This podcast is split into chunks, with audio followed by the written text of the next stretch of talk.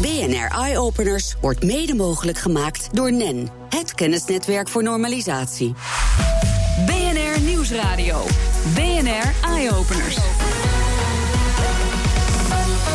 Meindert Schut. Is there life on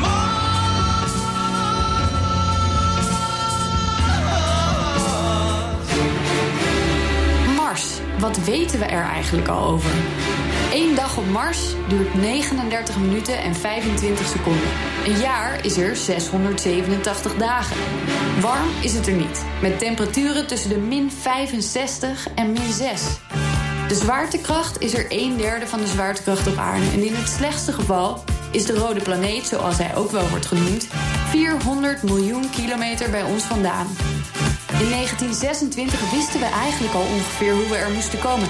30 jaar geleden hadden we er zelfs al kunnen zijn. Maar waarom heeft dat zo lang geduurd? We gaan het hebben over leven op Mars. We hebben het in de, vorige uitzending gehad over de reis naar Mars... en het eh, zo aanpassen van de atmosfeer dat we er kunnen leven. Nou, het blijkt echt heel erg moeilijk te zijn. Dit keer gaan we het hebben over de strijd om die eerste succesvolle landing. En daar gaan we over praten met eh, Fred Jansen, Senior Mission Manager... en Tommaso Guidini, Head Materials Technology, beide van de ESA. Ehm, Fred Jansen, om met jou te beginnen.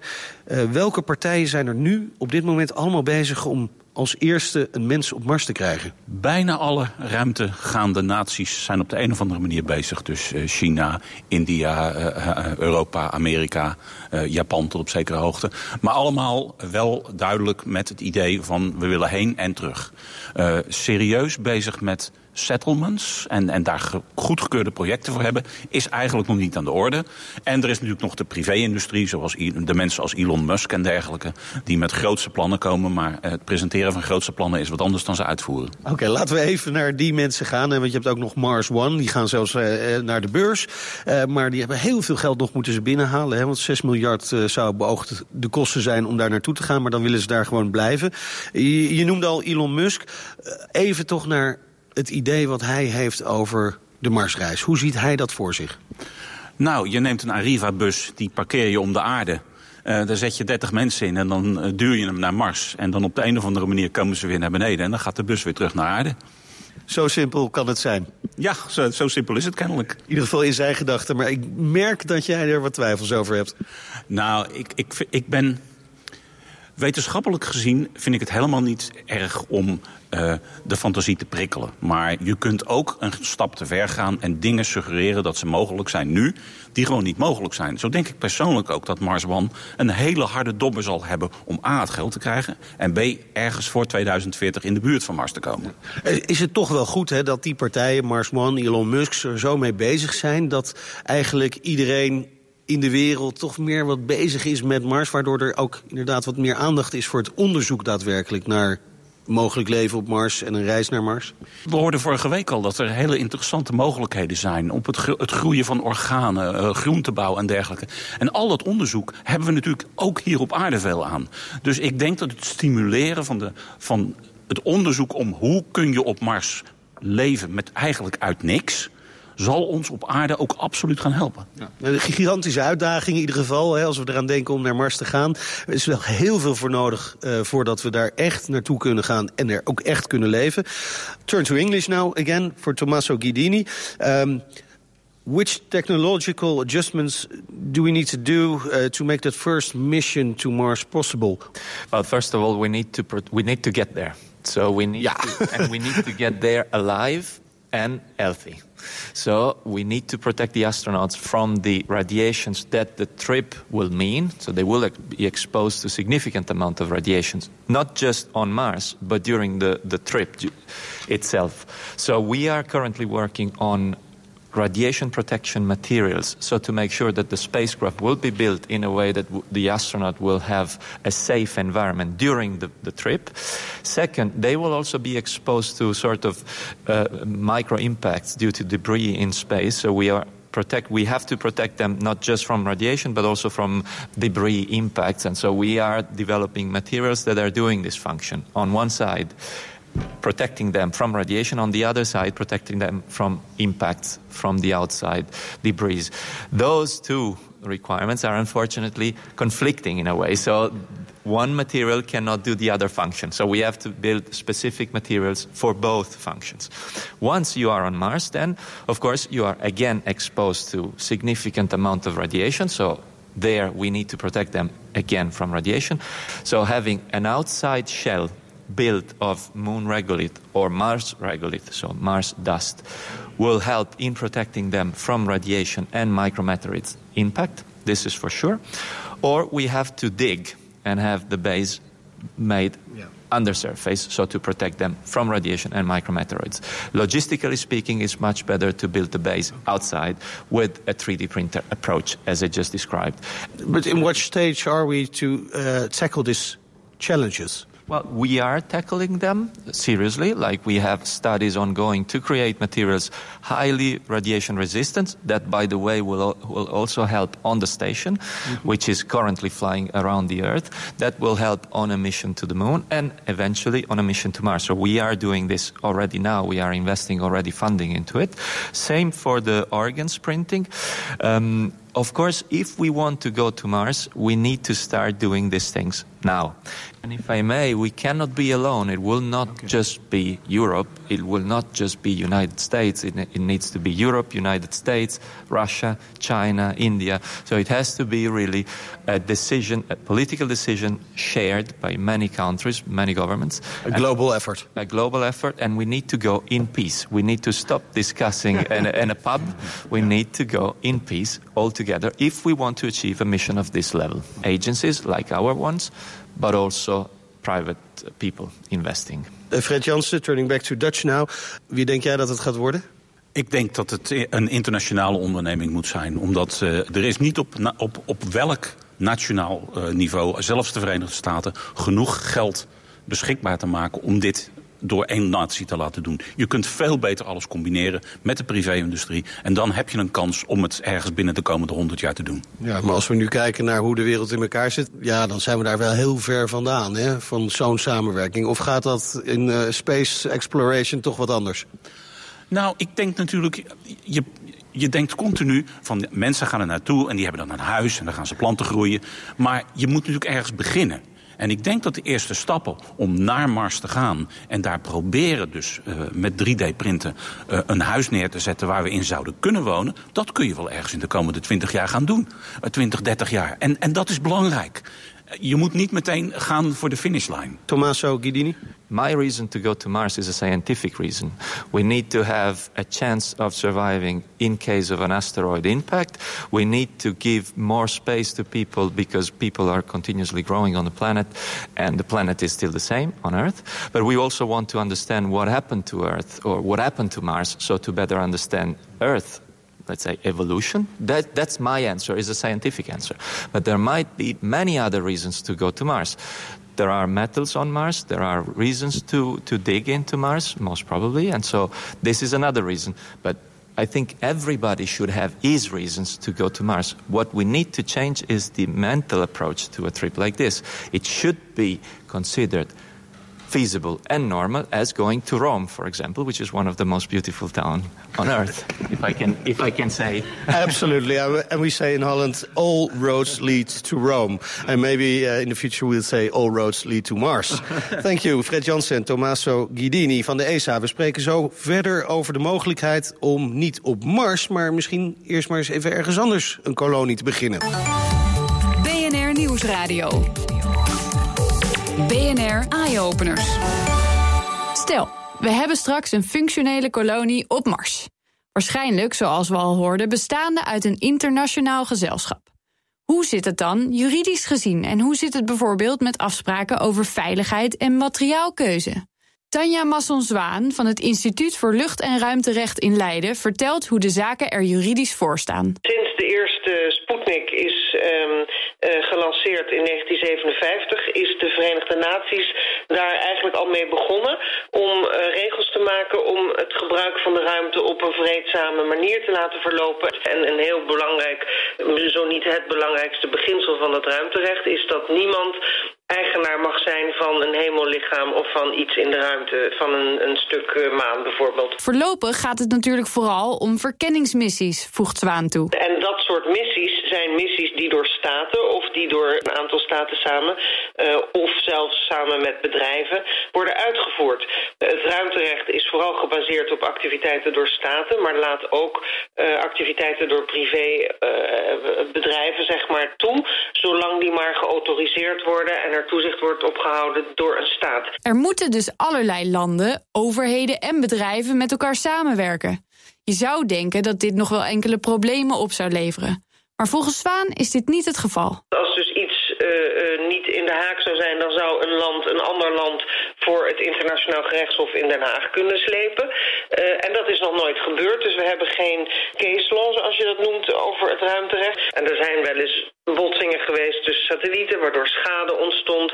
Um, en die zijn eigenlijk altijd via schikkingen opgelost. Dus het is nooit zo geweest dat er een enorme ruzie is geweest over wat er gebeurt in de ruimte. En het is eigenlijk altijd op een, uh, ja, op een vreedzame manier gebeurd. Zelfs als er op aarde spanningen waren. Maar wat gebeurt er als er echt een nieuwe samenleving zou ontstaan op een andere planeet? Zolang er een of andere inmenging of afhankelijkheid van de aarde is, zullen die wetten van toepassing zijn, tenzij die helemaal uh, het raam uitgegooid worden. Maar dat lijkt me zeer onwaarschijnlijk. En op het moment dat zo'n kolonie echt onafhankelijk wordt, dat ze self-sustainable zijn, dat ze niet meer afhankelijk zijn van uh, voorraden en eten en, en technologische support en wat dan ook vanaf de aarde, dan zal er waarschijnlijk een eigen rechtssysteem ontwikkelen. Ja, dat denk ik wel, maar ik denk dat dat nog heel erg ver weg is. Voorlopig verandert er juridisch gezien dus weinig. Maar hoe zit het met afspraken over de veiligheid en over materiaalkeuze?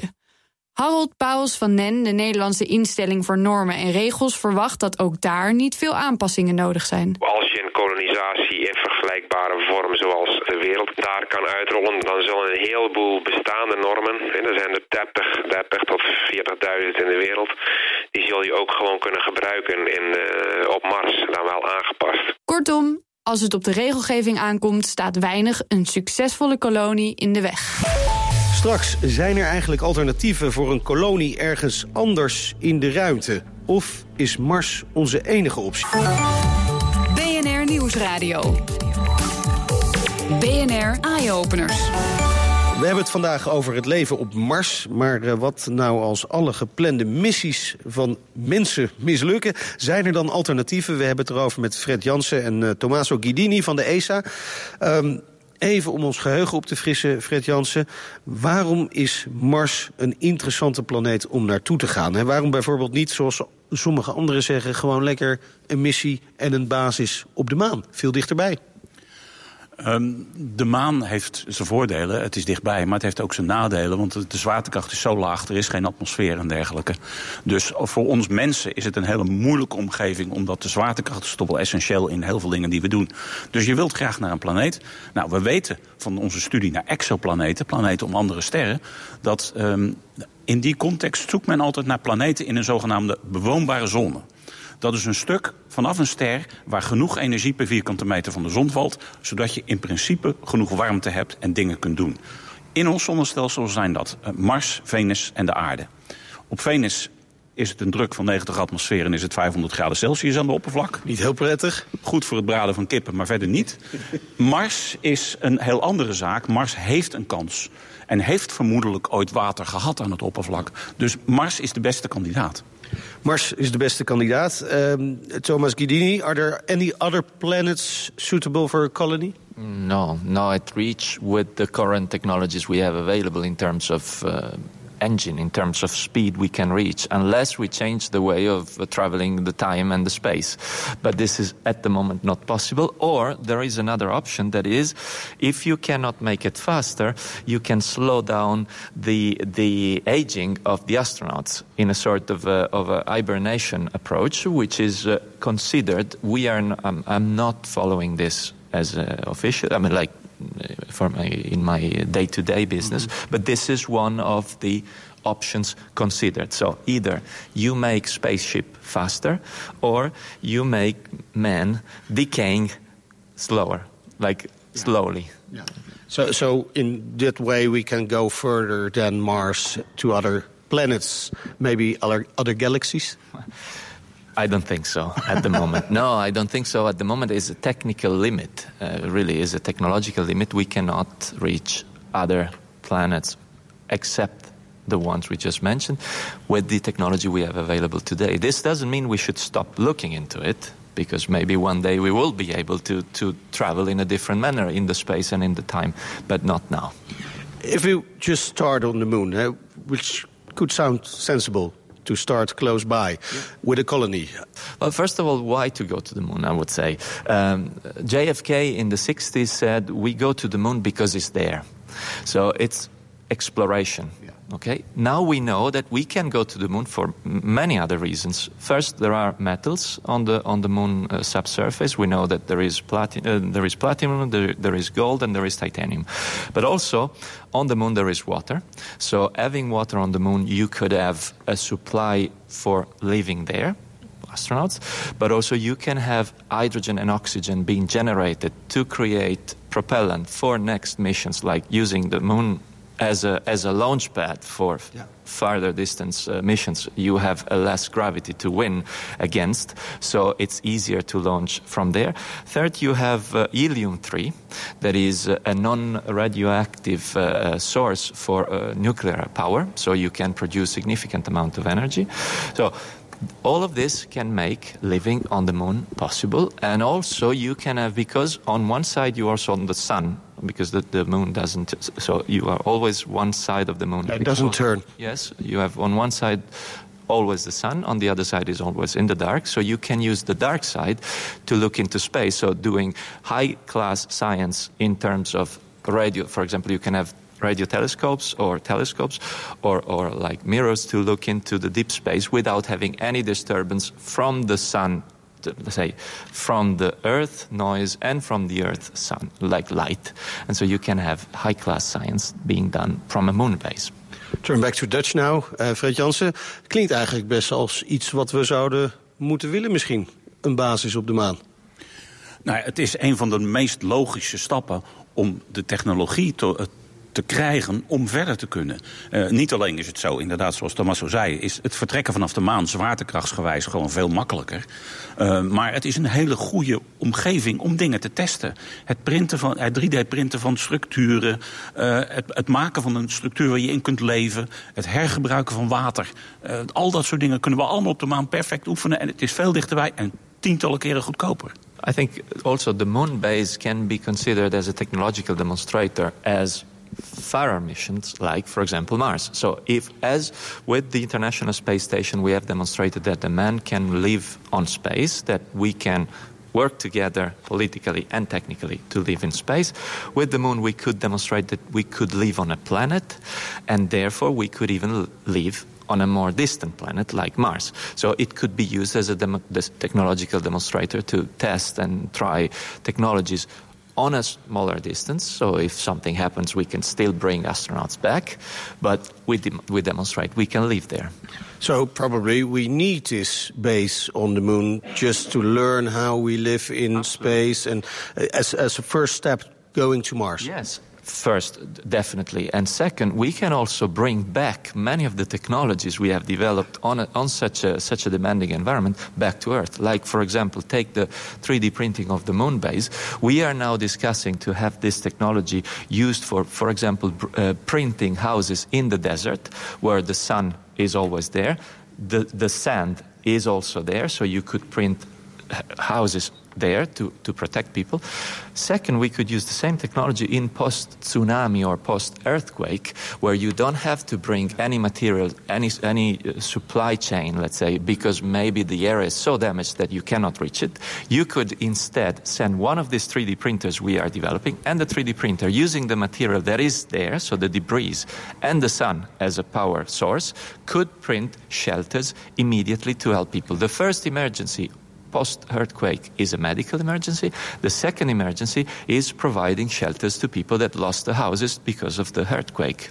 So this could be another use of a technology developed for space for Earth benefits. We can learn so much from space. Fred Jansen, zijn er ook nog andere alternatieven? Je hebt een paar uh, planeten genoemd, maar die hebben een paar nadelen uh, die Mars bijvoorbeeld niet heeft. Wat zou nou het ideale plaatje zijn van een andere planeet voor de mens? Ehm, de aarde zoals die eruit zag voordat we hem begonnen te vernielen.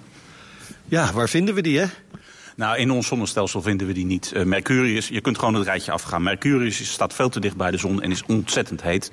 Uh, Venus, daar moet je met beginnen veranderen van de atmosfeer... voordat je er überhaupt iets kunt, want het is te heet en te hoge druk. Dan heb je de aarde, dan heb je Mars, daar hebben we het over gehad. Saturnus, Jupiter zijn gasbollen, die hebben vermoedelijk geen vast oppervlak. En tegen de tijd dat je bij Neptunus en Uranus bent...